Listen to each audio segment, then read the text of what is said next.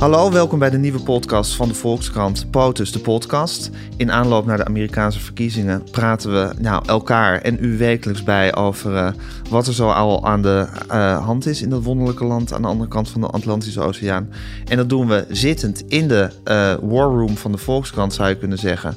De kamer van de hoofdredacteur Pieter Klok, die hier uiteraard ook aan zijn eigen bureau zit. is het een war room, Pieter?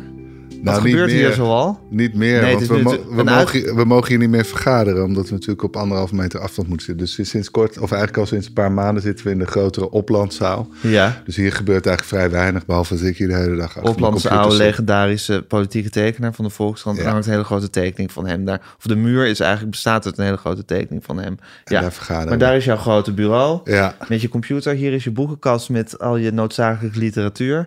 Om Ja. een beetje... nou, ja, het zijn vooral boeken van Volkskrant-collega's Oh, door de jaren heen. Geen noodzakelijke literatuur dus. Nee, Eh, nee maar goed, kun je er, staat nog, overslaan. er staat nog een B, een, een prijs daar. Wat is dat? Eh, dat is ooit, zijn we derde geworden met een groot eh, voetbaltoernooi tussen media. En daarnaast staat de European Newspaper of the Year Award. Dat dus daar zijn we het meeste trots op. Dus 2014 waren we de mooiste nieuwskrant van Europa. En daar staat de tegel En van Michael Persson. Natalie Wrighton zit hier links naast me. Die begint nu heel driftig op een, op een tegel eh, te wijzen. dat, is, dat is ook weer een journalistieke prijs. Ik dacht dat je hem zelf had gewonnen, maar hij is niet voor jou. Nee, eh, het is juist Natalie. leuk omdat hij van Michael Persson is. Precies. Onze correspondent in eh, Amerika. Ja, precies. Maar die kon hem natuurlijk niet ophalen, omdat hij vanwege corona vastzit Ja. in de VS. Dus daarom staat hij nu op de kamer van eh, Pieter te wachten op de rechtmatige eigenaar. Nathalie heeft twee tegels, hè? Maar ik ook niet heeft- even En waar, sta- waar staan ze bij Dank jou? je, dank je. Hoef ik het zelf niet te zeggen, Pieter. Ja, want Natalie Wrighton, jij bent nu eh, ja, gedetacheerd op de buitenlandredactie. Of je zit op de buitenlandredactie. Ja, met zeker. als, als specialiteit, of tenminste als speciaal aandachtspunt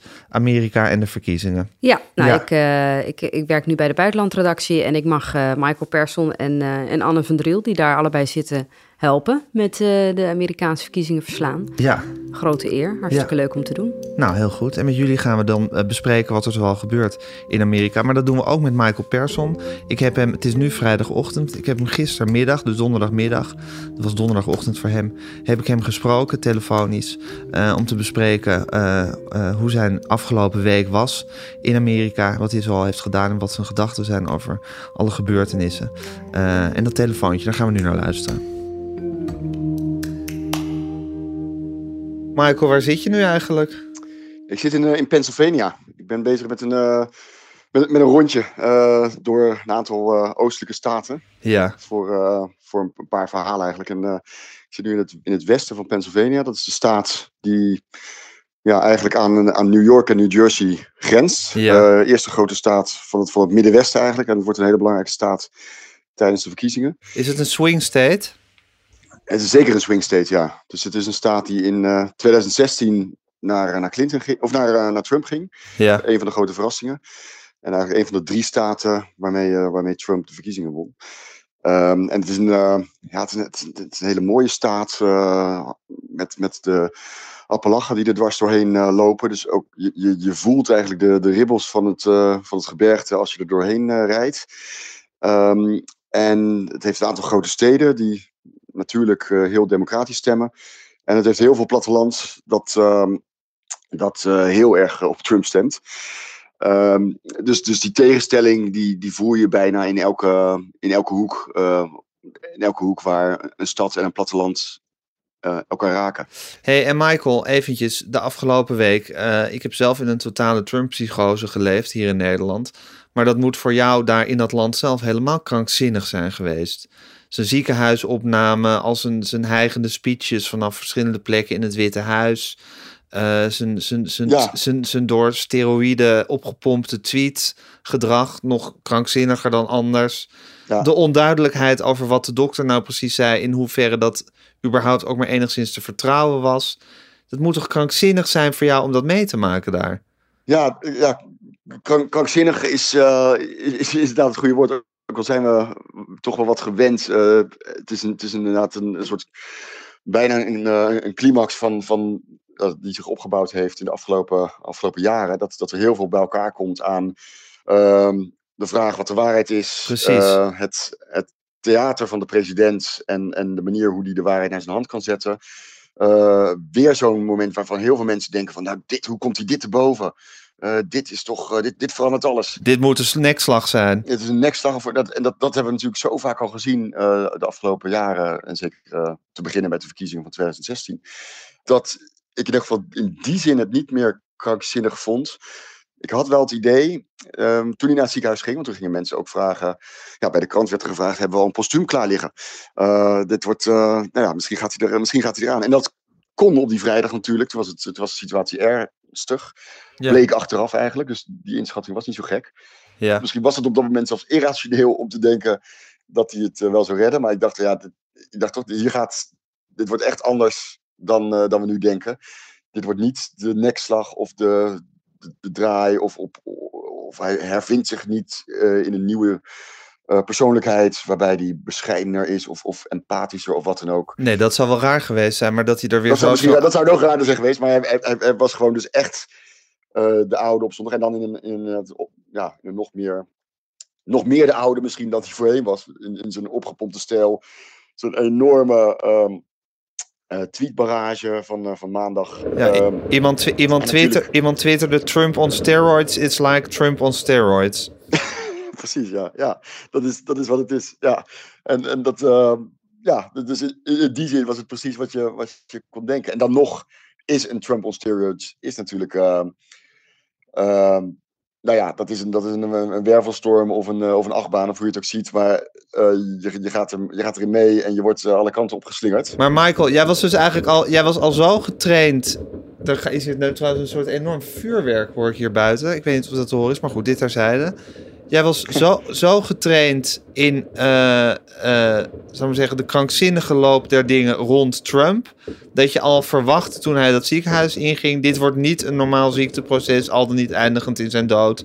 Dit wordt weer iets heel raars. Waar hij op een of andere manier dan toch weer, toch weer bovenuit weet te stijgen. Ja, en dan, dan is verwachten is natuurlijk, is natuurlijk wel een beetje een groot woord. Het is niet alsof ik eh, ook maar iets kon voorspellen. Maar wel dat je in hele grote lijnen kon denken van... oké, dit, is, dit, is, dit zal niet normaal zijn of normaal gaan. Hoe gek het ook klinkt, maar hij, hij, hij zal toch een, vorm van controle weten te houden... over dit proces waarbij je eigenlijk zou denken dat je... ehm, ja, helemaal in de handen bent van, van, van het lot of van, eh, van het geluk. Want je zou eigenlijk kunnen zeggen dat Trump altijd in totale chaos een soort controle weet te houden.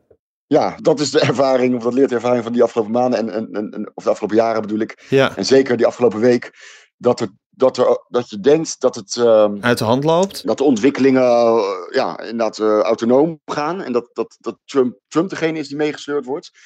Eh, maar nee, hij is degene die sleurt. Hij zit nog steeds op, whatever, zijn locomotief aan het roer. Ook al is het inderdaad in een, in een enorme storm. Maar toch eh, gaat het een kant op die hij voor een deel bepaalt Ja. ja, dus dat, dat, dat blijft soms een soort van misverstand. Dat je denkt dat eh, Trump, ehm, eh, dat, dat die chaos inderdaad een soort onbestuurbaarheid is. Maar dat is niet zo. Er zit nog steeds een, een richting in. En dat is een richting die, eh, Die hij bepaalt. die door Trump wordt bepaald. En dat komt, die hij bepaalt. En dat komt deels omdat, nou ja, omdat iedereen altijd toch meewerkt. En dat, het, dat iedereen, dat, is dan, dat zijn wij, de media. Want wij volgen dat op de voet. En eh, wij eh, eh, vergroten en laten zien wat, wat hij wil dat we laten zien. Mhm. En het komt deels door zijn partijgenoten, waarvan natuurlijk heel lang is gezegd van, nou ja, dat zijn de volwassenen of die houden hem wel in toom en die, ehm, die sturen hem wel de kant op van een, van een normale politicus. Nee, dat is, het is andersom.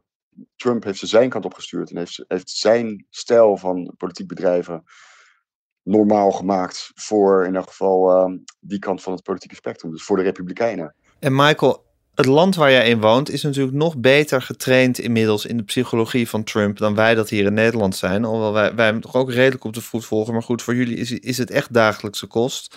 Voel je al dan bij iedereen de verwachting van oké, uiteindelijk zal hij hier toch wel weer op een of andere manier uitwandelen zoals hij overal uitwandelt. Eh, terwijl je denkt, nu, nu, nu is het één brug te ver geweest. Ja, Snapt iedereen dat inmiddels al bij, in Amerika? Ja, iedereen, iedereen weet het niet, maar je, je merkt wel vanaf het begin natuurlijk. eh, nou, eerst is het, grote, is het grote vraagteken dat, dat heel veel mensen zich stellen: is het echt? Ja, Ehm, dus is hij echt ziek? Of is het. Is, dus al vanaf het begin, ehm, het moment dat hij naar het ziekenhuis gaat, of het moment dat hij zegt dat hij ziek is, of tenminste besmet is, ehm, vragen mensen zich al heel erg af van is dat zo? Of, of ehm, draait hij hier ons een rad voor ogen? Omdat hij deze situatie kan gebruiken. Dus vanaf het moment dat hij, dat nieuws eh, van die besmetting er is, hebben mensen al in het achterhoofd. Nou, Trump heeft nog steeds iets onder controle. Nou, in dit geval was hij, nou ja, naar het zich laat aanzien, wel echt ziek en echt besmet.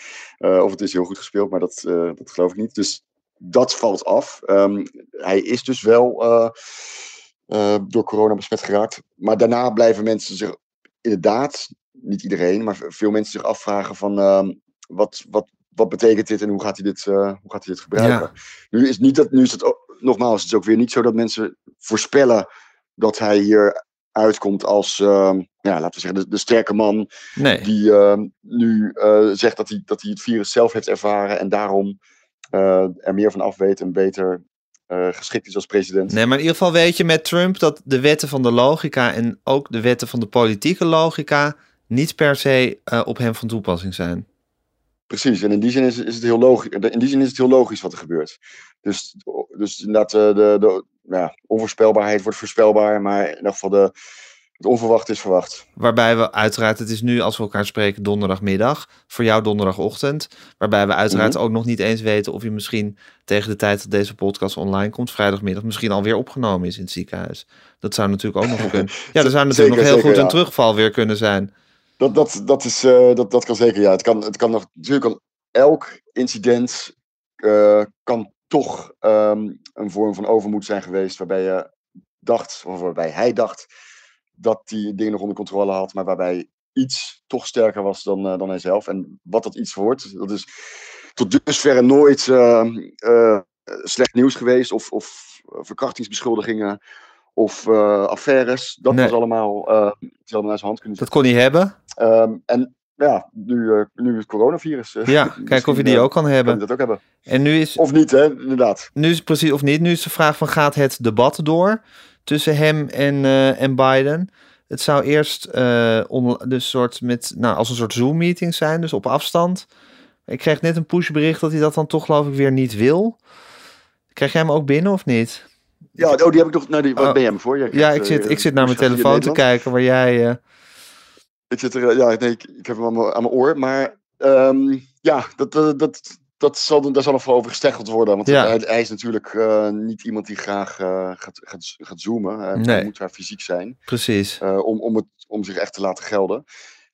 Dus ik kan me dat voorstellen dat hij dat, hij dat niet wil. Ja. Um, dus, dus of het uiteindelijk doorgaat, dat is even de vraag. Wachten we even af. Dat Biden, Biden wel die rol volhoudt en vasthoudt van, van de caution, van, van uh, voorzichtigheid. Oké, okay, Michael. Nou, uh, net zoals ik zal je razend nieuwsgierig zijn wat de komende week gaat brengen. Want dat wordt, dat wordt toch een gevalletje erop of eronder, denk ik. Uh, ja, voor Trump. En, weer, weer, een, weer, een, weer, weer een beslissende week. Weer een beslissende week. week, zoals elke week. En we spreken elkaar daar volgende week weer over. Dus daar kijk ik naar uit. Spreek je volgende week. Dank je, Gijs. Dank je wel, Michael.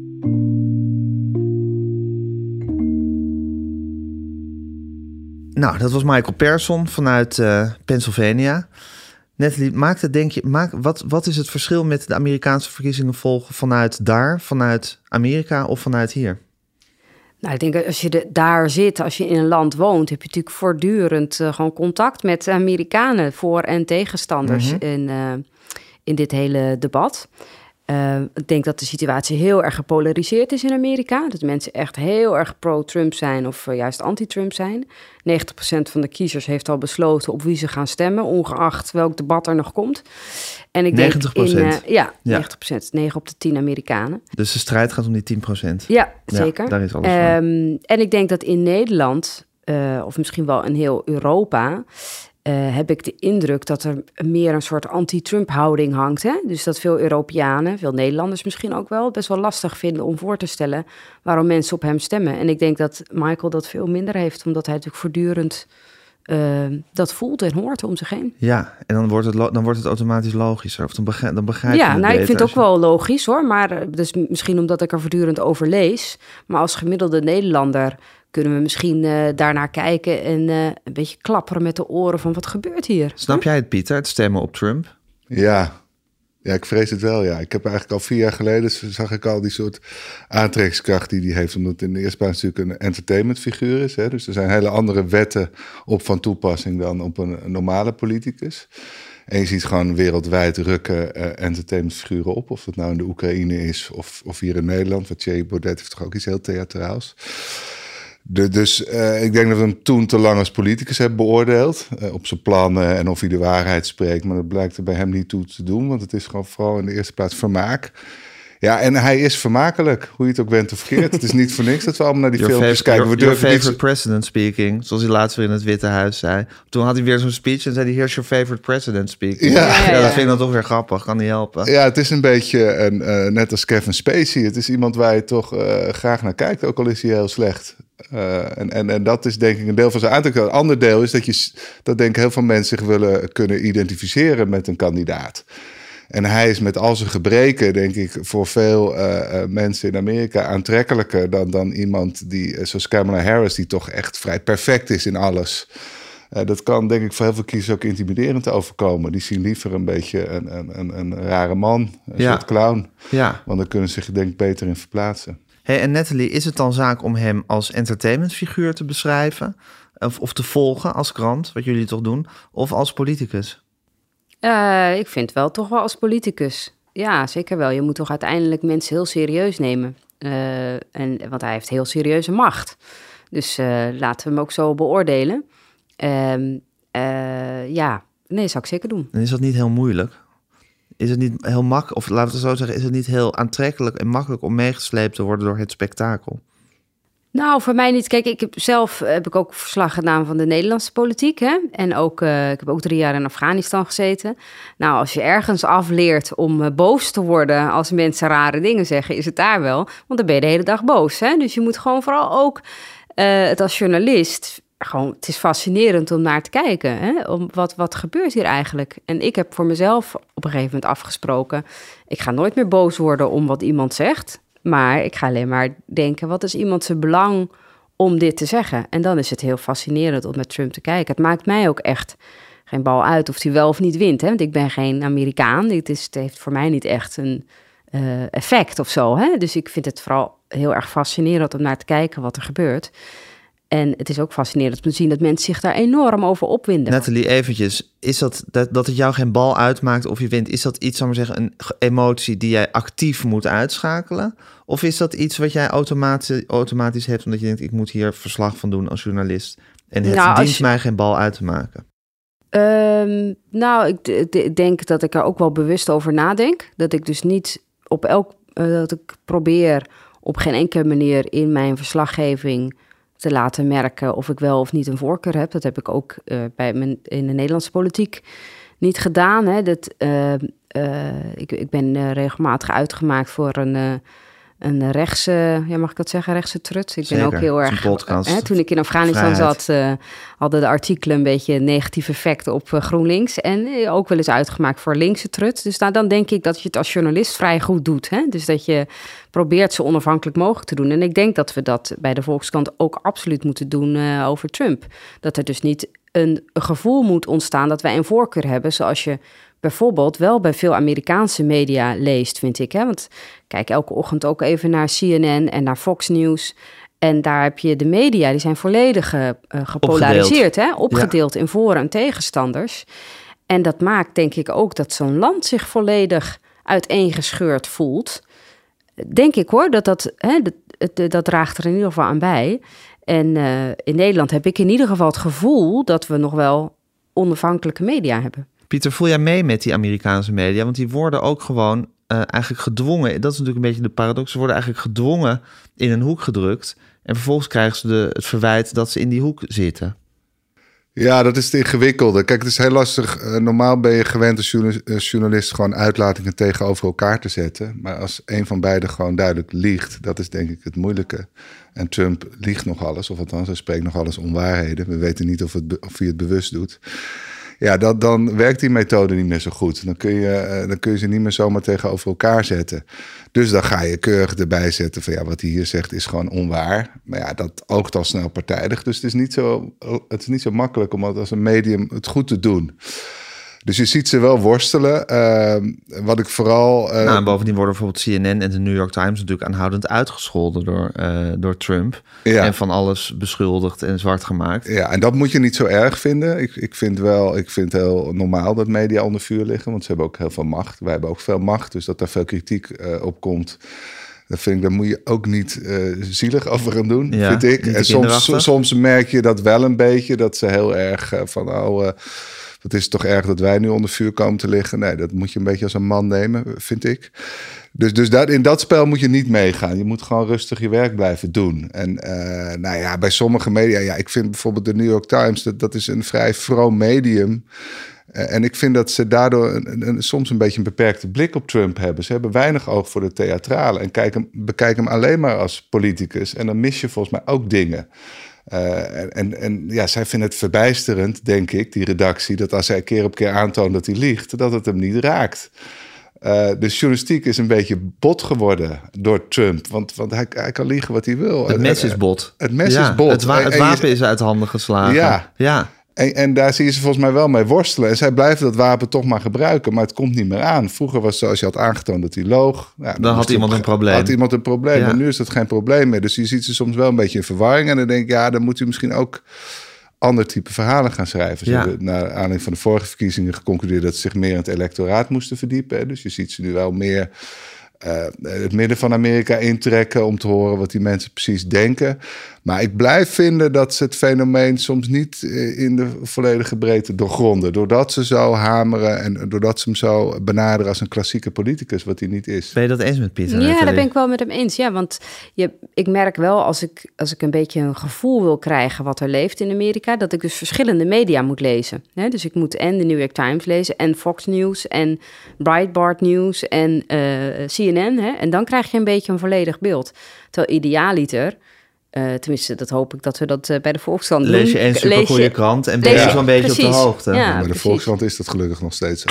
ja, de Volkskrant is fantastisch natuurlijk daarin. Maar goed, daarom leest heel Amerika ook de Volkskrant. ja. ja. Hey, en Natalie, die, want dat is interessant natuurlijk wat Pieter zegt... dat eigenlijk het, het wapen van de waarheid werkt eigenlijk niet meer. Dat is eigenlijk uh, dysfunctioneel gemaakt na vier jaar Trump uh, iemand om de oren slaan met je hebt gelogen. Dat is eigenlijk een volstrekt loos, loos verwijt geworden.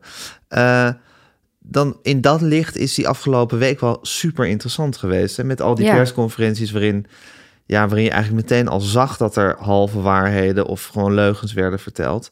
En dat doet er eigenlijk niet meer toe, dan zou je kunnen zeggen. De persconferenties doen niet meer. Ja, gewoon, nou, gewoon het hele spektakel rond zijn ziekenhuisopname.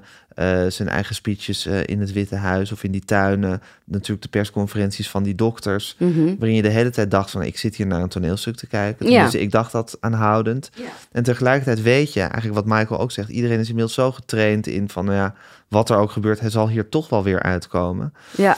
Um, het, is, het is een raar schimmenspel waar je naar zit te kijken inmiddels. Ja, maar het is natuurlijk wel interessant om, om naar te kijken van hoe gaan ze zich eruit werken. Hè? Want dat, dat hij wel weer een uitweggetje vindt of een geitenpaadje zoals we in Nederland zeggen, dat is wel duidelijk.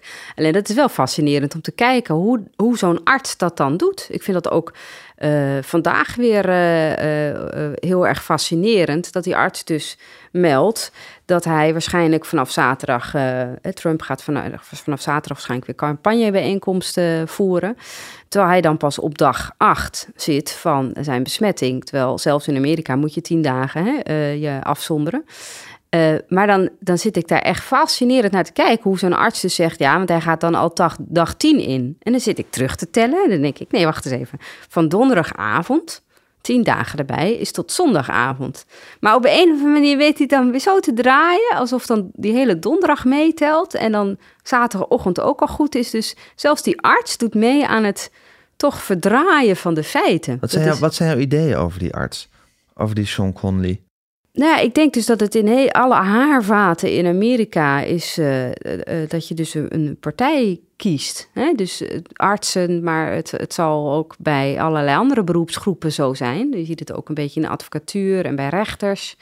Hè, dat, dat, en dat is, dat is iets bij ons wat we ons helemaal niet voor kunnen stellen. Is, ja. Hè, wat, je, wat ondenkbaar is, dat een, uh, in Nederland zou een arts onafhankelijk zijn kan me herinneren, het was het toen bij, uh, bij Friso, hè, die we toen dat ski-ongeluk had gekregen. Ja, dat was toch ook die arts die hè, toch vrij recht toe, recht aan zei wat er gebeurd was. En had je niet het idee dat er omheen gedraaid werd. Hè? En Nee, dat Nu- was wel iemand die een beetje zijn beroepsgeheim aan het schenden was, geloof ik. Maar ja, nou ja, nou goed. het wa- dat was Maar- niet per se een politieke kwestie. Het was helemaal geen, geen politieke kwe- in mijn herinnering hoor. Maar eh, misschien als ik het terugkijk, dat ik er niet anders Ja. op kijk. Maar het- zo'n zo'n arts van hem, dat is een, ja, een lijfarts. Hè? Dus het is echt een, een, eh, meer een woordvoerder van Trump. Ja, Dan dat hij eh, als arts zijnde het eh, volk voorlicht. Ja. En dat is heel lastig, omdat je natuurlijk uiteindelijk... ook in Nederland hebben we ontzettend veel woordvoerders inmiddels bij de overheid. Die worden betaald met belastinggeld.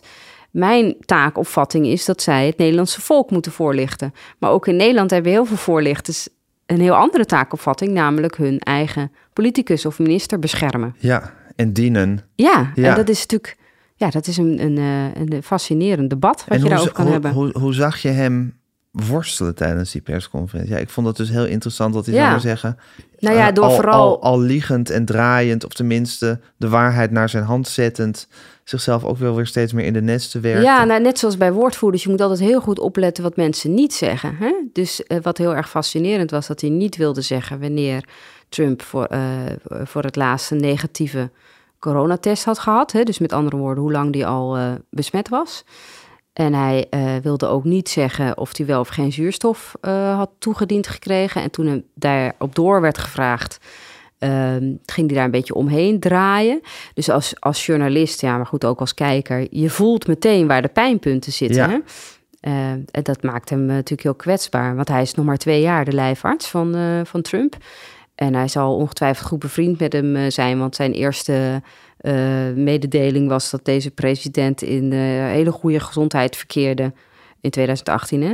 Misschien wel het beste ooit van alle presidenten. En dat hij ook voorzag dat dat nog voor altijd zo zal blijven, zoiets. Dus ze zullen goede vrienden zijn. Maar eh, het is natuurlijk wel eh, eh, voor het eerst, denk ik, dat hij zo in de spotlight staat. Ja. En je zou denken dat hij er misschien een beetje van geschrokken is, maar Hoe bezag jij hem, ik niet. Nou ja, Trump heeft natuurlijk alle onafhankelijke scheidsrechters proberen te disqualificeren en uit te schakelen. Hij heeft gewoon een hele aparte opvatting eh, van de waarheid. En die staat er in die art of the deal. Je moet de waarheid gewoon naar je hand zetten om zo hoog mogelijk resultaat te boeken in de onderhandelingen. Dus, dus hij kijkt gewoon fundamenteel anders naar, naar, naar waarheid en feiten. En die arts moet daarin mee. Want als je een onafhankelijke scheidsrechter bent, dan, dan maak je geen kans in zijn entourage. Ja. Je Eh, dus je moet altijd hè? bijdragen aan zijn waarheid. Ja. En, en eh, ja, dat, dat, dat, dat patroon zie je in alles wat hij doet. En, en dat is ook eh, het schadelijke effect op lange termijn, denk ik. Hè, ook als hij niet herkozen wordt. Dat de onafhankelijke scheidsrechters zijn gewoon eh gedisqualificeerd. eh, hun macht is ondergraven. Eh, de samenleving gelooft er minder in dan toen hij begon. En dat is een echt gevaar. Want een, een, een samenleving is wel gebaat bij dat je sommige instituten gewoon serieus neemt en het oordeel ook serieus neemt. En da- daar heeft hij continu aan zitten knagen de afgelopen vier jaar.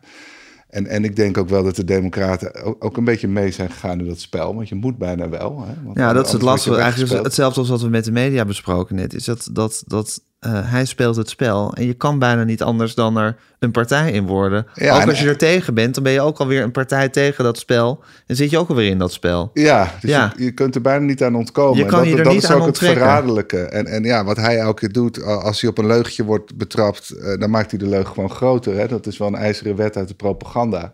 Je moet elke keer gewoon de leugen nog groter maken.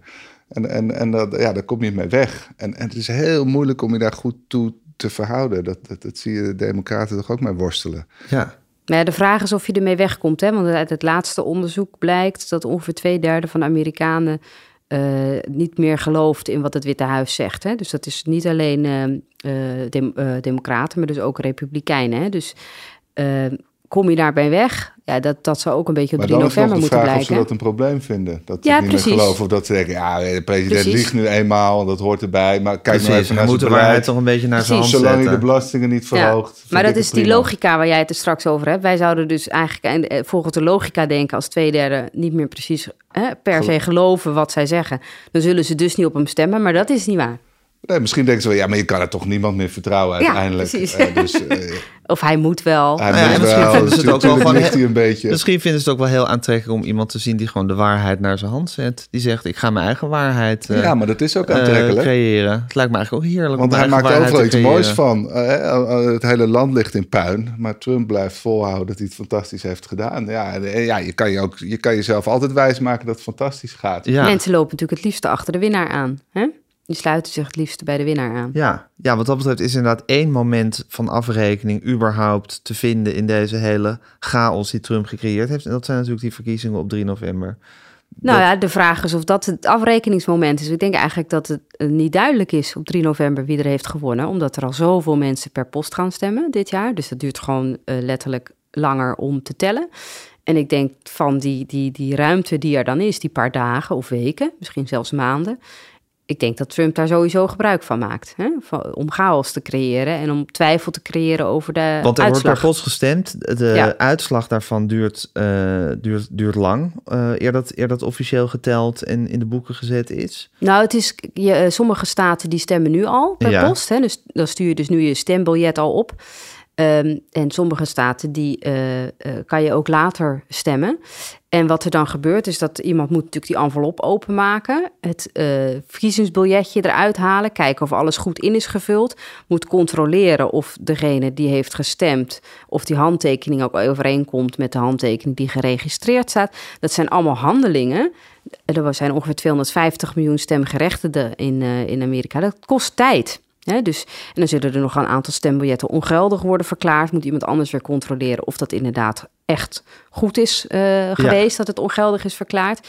Dus die tijd eh, duurt. En dan heb je ook nog stemmen die natuurlijk niet per se op 3 november aankomen. Sommige komen op 4 of 5 of 6 november aan. En in sommige staten stellen ze dan niet meer mee. En in andere staten wel weer. Dus dan krijg je waarschijnlijk beelden te zien van bergen met stembiljetten die niet meer geldig zijn. En dan zegt Trump, kijk, zie je? Dus hij zal hoe dan ook mogelijkheden vinden om eh, zijn theorie te onderschrijven dat er gerommeld wordt met die Dat verkiezingen. er gefraudeerd is en dat Ja. hem een oor wordt aangenaaid. Ja, dus Dat, dat, dat kan je nu al vergif op innemen, dat er dat soort beelden Ja, dus naar vanaf buiten 3 gaan. nemen. november tot het moment dat er een definitieve uitslag zal zijn en misschien daarna gaat, gaat, er, gaat, gaat, er, gaan er, gaat er chaos en insinuaties eh, gaan er volgen. Die kans acht ik wel heel groot. Dus als Trump wint, denk ik dat de kans heel groot is dat eh, de Democraten de straat op gaan om hun frustratie te uiten over nog een keer via Trump. En als hij verliest volgens de eerste uitslagen, dan denk ik niet dat Trump dat erkent. Ja. Hè? Want hij heeft dat zelf ook al heel vaak gesuggereerd dat hij het Witte Huis niet zal verlaten. Waarop eh, Biden heel stoer heeft gezegd: desnoods eh, kan het leger hem naar buiten toe escorteren. Maar nou, dat zou toch ook wel een, eh, Een dingetje een zijn. ding zijn, hè? dus Dat, ja, hoe dan ook wordt het gedonder. Ja, hey, en Natalie, denk je dat deze hele episode met Trump's ziekenhuisopname en de corona die hij gehad heeft, of in feite nog steeds heeft, Ja. en het is nog steeds afwachten natuurlijk, want volgens mij op die eerste persconferentie zeiden ze op maandag kunnen we een zucht van verlichting sluiten. Ja, dat zou dan tien is. dagen na zijn besmetting Precies, zijn. nou, het is nog ja, altijd geen maandag, dus er kan natuurlijk altijd nog een terugval komen. zeker. ja. Ehm, eh, maar goed, stel eh, hij komt er doorheen. Eh, zal dit dan een soort, een soort een grappige anekdote in de hele verkiezingsstrijd geweest blijken te zijn? Of is dit een betekenisvolle week geweest? Het is een heel betekenisvolle week, want eh, Trump die heeft eh, heel erg geprobeerd om zijn verkiezingscampagne weg te houden van corona. Want daarin heeft het Amerikaanse regering natuurlijk, ja, niet, hoe je het ook went of keert, niet goed gehandeld. Want zij hebben het hoogste aantal, ehm, eh, procentueel het hoogste aantal doden door corona. Dus daar is iets misgegaan. Hè? Eh, dus daar heeft hij heel erg geprobeerd van weg te blijven. Hij is een soort angstcampagne begonnen van ehm, eh, stem op Biden en het land vervalt in eh, chaos en het, er komt de communisten aan de macht en er komen allemaal rassenrellen en eh, wapen je maar. Hè? En dat lukte hem best wel succesvol. Om die, het ging eigenlijk alleen nog maar in, eh, in debatten, op, eh, in talkshows, ging het daarover, over die rellen die er op straat waren in allerlei democratische steden. Ja, en dat is nu niet meer zo goed vol te houden. Hoe dan ook is corona echt weer helemaal bovenaan het onderwerpenlijstje van, Ja. eh, van debatten. En heb je het hem dat schaadt, Pieter? Nou, ik denk uiteindelijk wel dat de verkiezingen gaan over, over corona. En, en ik vraag me af of zijn leugens dan nog overeind blijven. Want dan gaat het om echte doden van, van echte Amerikanen. En het blijkt ook wel uit opiniepeilingen dat, dat 60% uh, is voor een strengere aanpak. Hij propageert nu eigenlijk toch weer een, een losse aanpak. Want Ja. hij zegt, ah, stelt het eigenlijk niks voor. Kijk naar mij. Don't let het it dominate your life. Dus uiteindelijk denk ik dat, dat het daar misschien wel over gaat. Hè? Je zag ook aan het eind van het debat eh, tussen Pence en Harris... zag je ook Harris, eh, haar man met een mondkapje...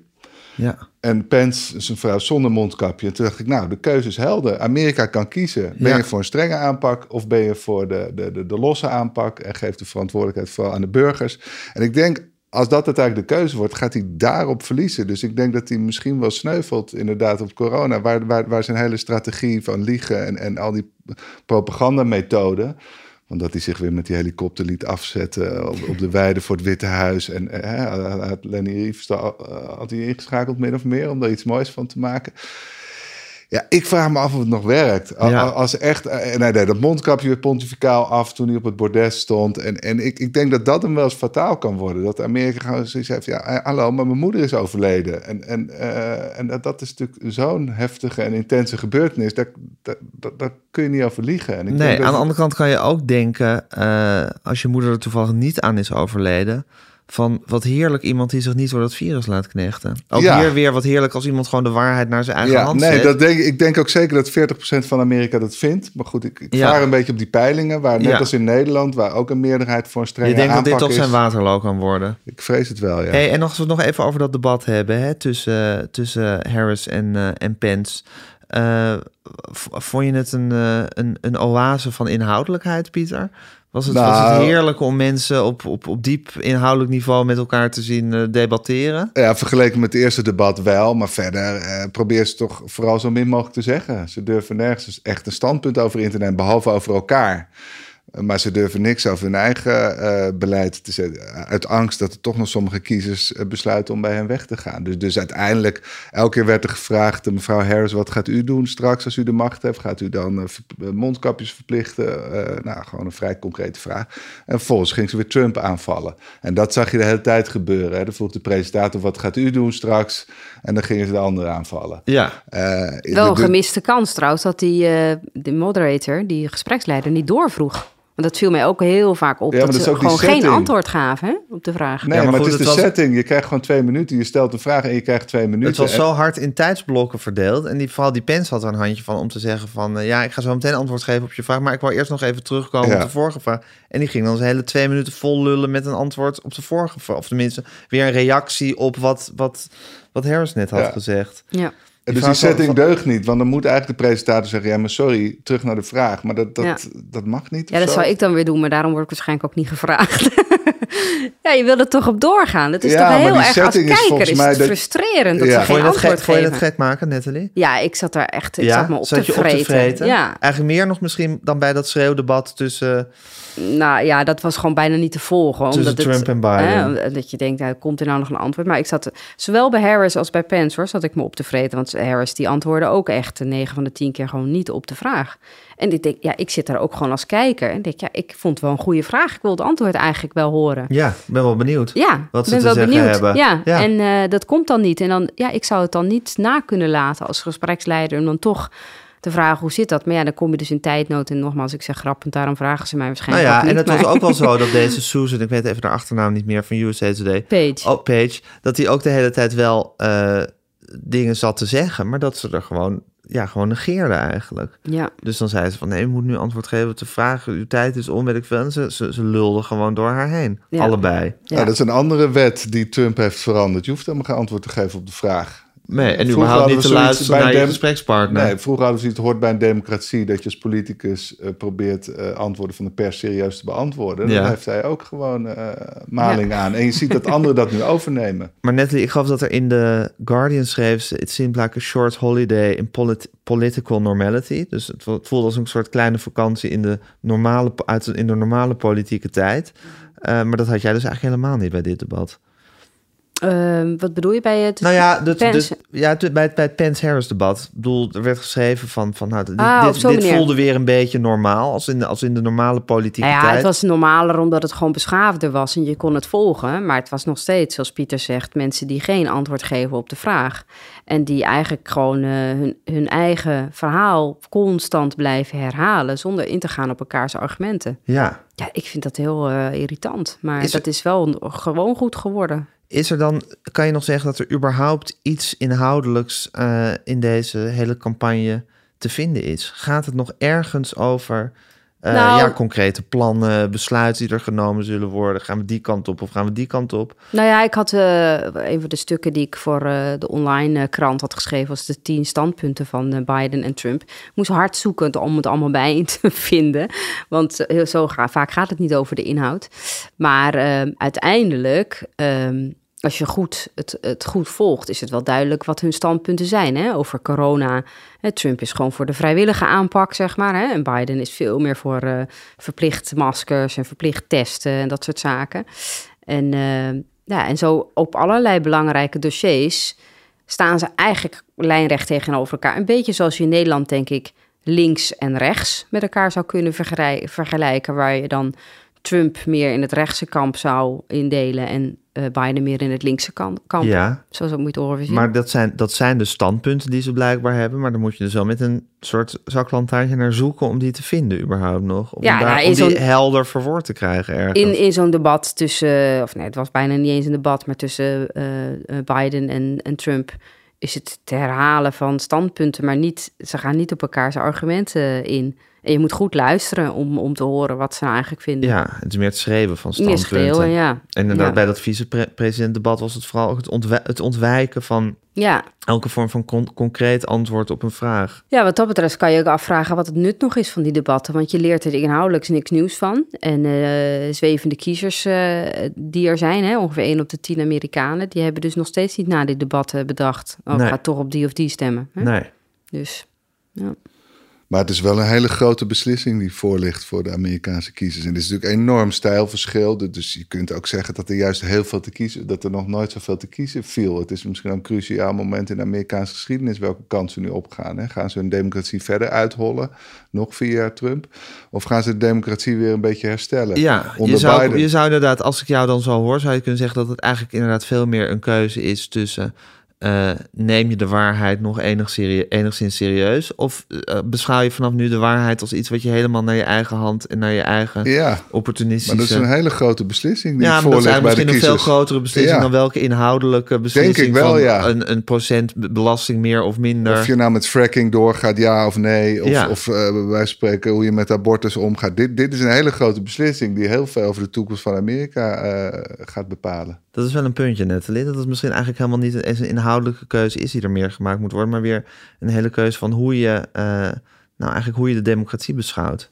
Ja, zeker. Maar en vanuit, vanuit Trump-aanhangers eh, gezien, denk ik niet dat zij het zien als een keuze tussen de waarheid of niet de waarheid, maar tussen eh, mag ik mijn leven in vrijheid leven als Amerikaan?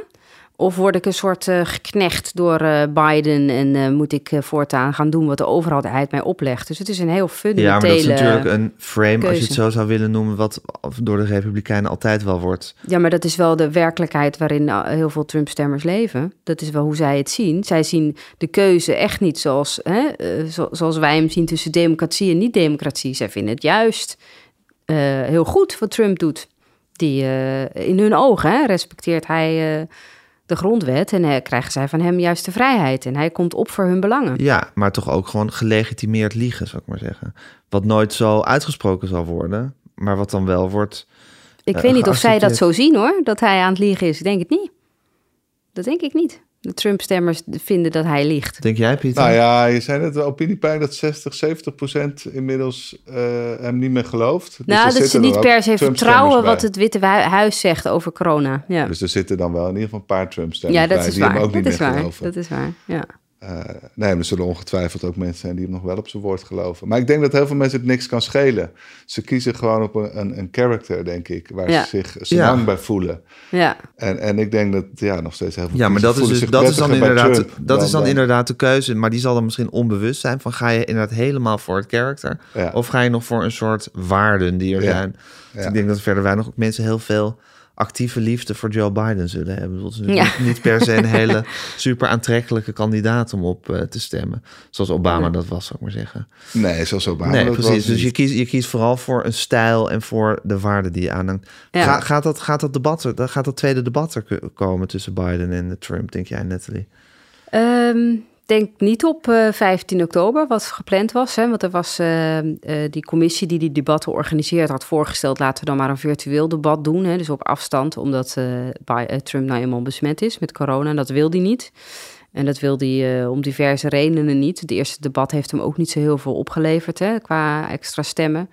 Um, maar ook, ja, hij zegt, ik ga niet voor een computer zitten. Hè. Dat, uh, de, belachelijk, idioot idee. Ga ik niet aan meedoen. Dus ik denk dat het hem wel goed uitkomt eigenlijk, dat uh, voorstel van het virtuele debat. Want hij heeft nu een manier om er onderuit te komen. Hij gaat denk ik een eigen rally houden, zoals zijn campagnewoordvoerder heeft voorgesteld. Dus we zullen denk ik beelden zien van Trump uh, met een uh, menigte die zijn naam scandeert. En dat is voor hem veel gunstiger dan uh, zo'n saai debat. Ik denk wel dat er nog, uiteindelijk nog wel een laatste debat komt. Dus het derde debat, zeg maar. Ja, dus dan... we slaan de tweede over. Dat denk ik, ja. Ja, dat is jouw inschatting. Dat denk ik wel. Pieter? Ja. Ja, volgens mij moet je niet proberen vooruit te kijken bij Trump. Je nee, moet dat je vooral continu openstellen voor het onverwachte. Ja, ik ben ja. wel benieuwd wat voor verrassingen die je, je kan het, heeft. Je kan het onverwachte verwachten, nou ja, je, je, merkt, je merkt nu wel dat hij een beetje in paniek lijkt. Uh, want die achterstand die blijft natuurlijk vrij groot. Uh, dus ik, ik denk dat hij nog hele rare dingen gaat bedenken. Uh, ik bedoel, de, de, de, die helikopter op, op het grasveld voor het Witte Huis was denk ik de eerste stap. Ik denk er gaan nog stunts komen. Ik denk dat er nog heel veel rare stunts gaan Dat zien, denk ja. ik ook wel. Dat denk je ik ook. denk dat hij nog wel iets in zijn mouw heeft zitten. Ja. of uh, hoe zeg je dat? Dat iets uit hoed nog komt over uh, expect the unexpected, om het op zijn Ja. Engels eh, Ja, dat denk ik ook wel. te zeggen. Ja, en ik denk dat de kans nog steeds uh, dat hij alsnog gaat winnen, ondanks alle peilingen. Dat, Dat, was vier jaar geleden toch ook zo, dat hij in die peilingen helemaal niet eh, zo'n enorme kans maakte. Nee, dat klopt. Maar dat is natuurlijk, eh, daar verwijzen mensen vaak naar van ja, maar toen klopte de peilingen ook niet. Dus nu zal Ja. het ook wel niet zo zijn. Maar Ja. er zijn wel een paar kanttekeningen bij te plaatsen. Vorige keer lag eh, eh, Hillary Clinton voor in de populariteitspeilingen. En dat klopt ook, want ze kreeg ook 3 miljoen meer stemmen. Alleen het komt door het kiesstelsel in Amerika, waardoor hij toch gewonnen heeft. Maar zelfs, hè, al, al kijk je dan nu naar hè, de, spelre- de spelregels op staatniveau, hoe eh, er, er wordt gestemd, dan nog ligt eh, Trump wel achter. Wel met een kleiner percentage. Maar er hoeft maar dit te gebeuren. Of de domino-steentjes vallen allemaal een andere kant op. En Trump wint alsnog. En dat, eh, die kans is zeker aanwezig. We blijven het volgen. Volgende week eh, gaan, we de, gaan we de komende week bespreken. Eh, ja, met, met, met, met een mengeling van, eh, van zin en afgrijzen kijk ik er naar uit naar de komende week. Als Eh, journalist is het fantastisch. Als journalist volgen, is, het, is, het, is het fantastisch, maar het, heeft, het is toch ook wel weer een soort, ja, eh, de deplorabele staat waarin eh, de democratie in de wereld zich bevinden. En dit als de, allergro- of de allerbelangrijkste democratie als voorbeeld is toch wel, eh, is toch wel enigszins huiveringwekkend af en toe. Zeker. Maar goed, we zullen het ermee moeten doen. En ik, eh, ik spreek jullie volgende week weer graag hier. Ja, Oké. dankjewel.